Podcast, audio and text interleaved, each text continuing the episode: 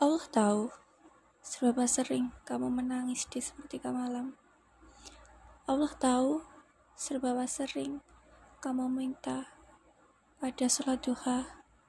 Allah tahu seberapa banyak doa yang kau panjatkan pada dua, empat, empat, tiga, dan empat.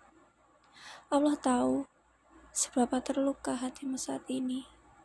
Allah tahu seberapa hancurnya saat ini dirimu.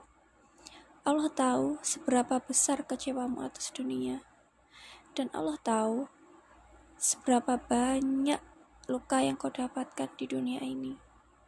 Namun, Allah tidak mengabulkan semua doa-doa itu dengan cepat.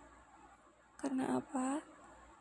Karena Allah ingin kamu percaya atas semua takdirnya, bahwa atas semua ketetapannya akan berakhir dengan indah. Semangat!